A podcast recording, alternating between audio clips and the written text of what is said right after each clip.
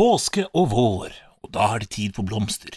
Og med oss i studio har vi Roserøy, som, hvis vi er heldige, vil kreere en blomsteroppsats for oss. Ja, hei, hei, nå er påsken her, og det syns jeg vi må feire med blomster. Våren er blomstertid, og alle er glade. Jeg begynner med to kongler som jeg setter opp mot hverandre slik. Ja, nå datt den ene, og da detter selvfølgelig den andre, men vi dytter litt blomsterjord rundt slik.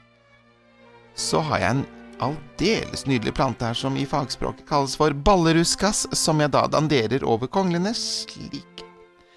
Ved siden av dette setter vi en aldeles nydelig yndig blomst, en eregenusrose fra Flandern, som på mange måter representerer vårens følelser. Slik.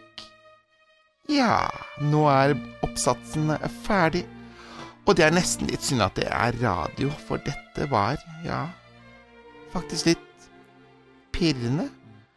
Ja, nå kom jeg plutselig på at samboeren min er på vei hjem, og jeg tror faktisk jeg må rekke bussen, så ja. Ja. Takk, takk for i dag.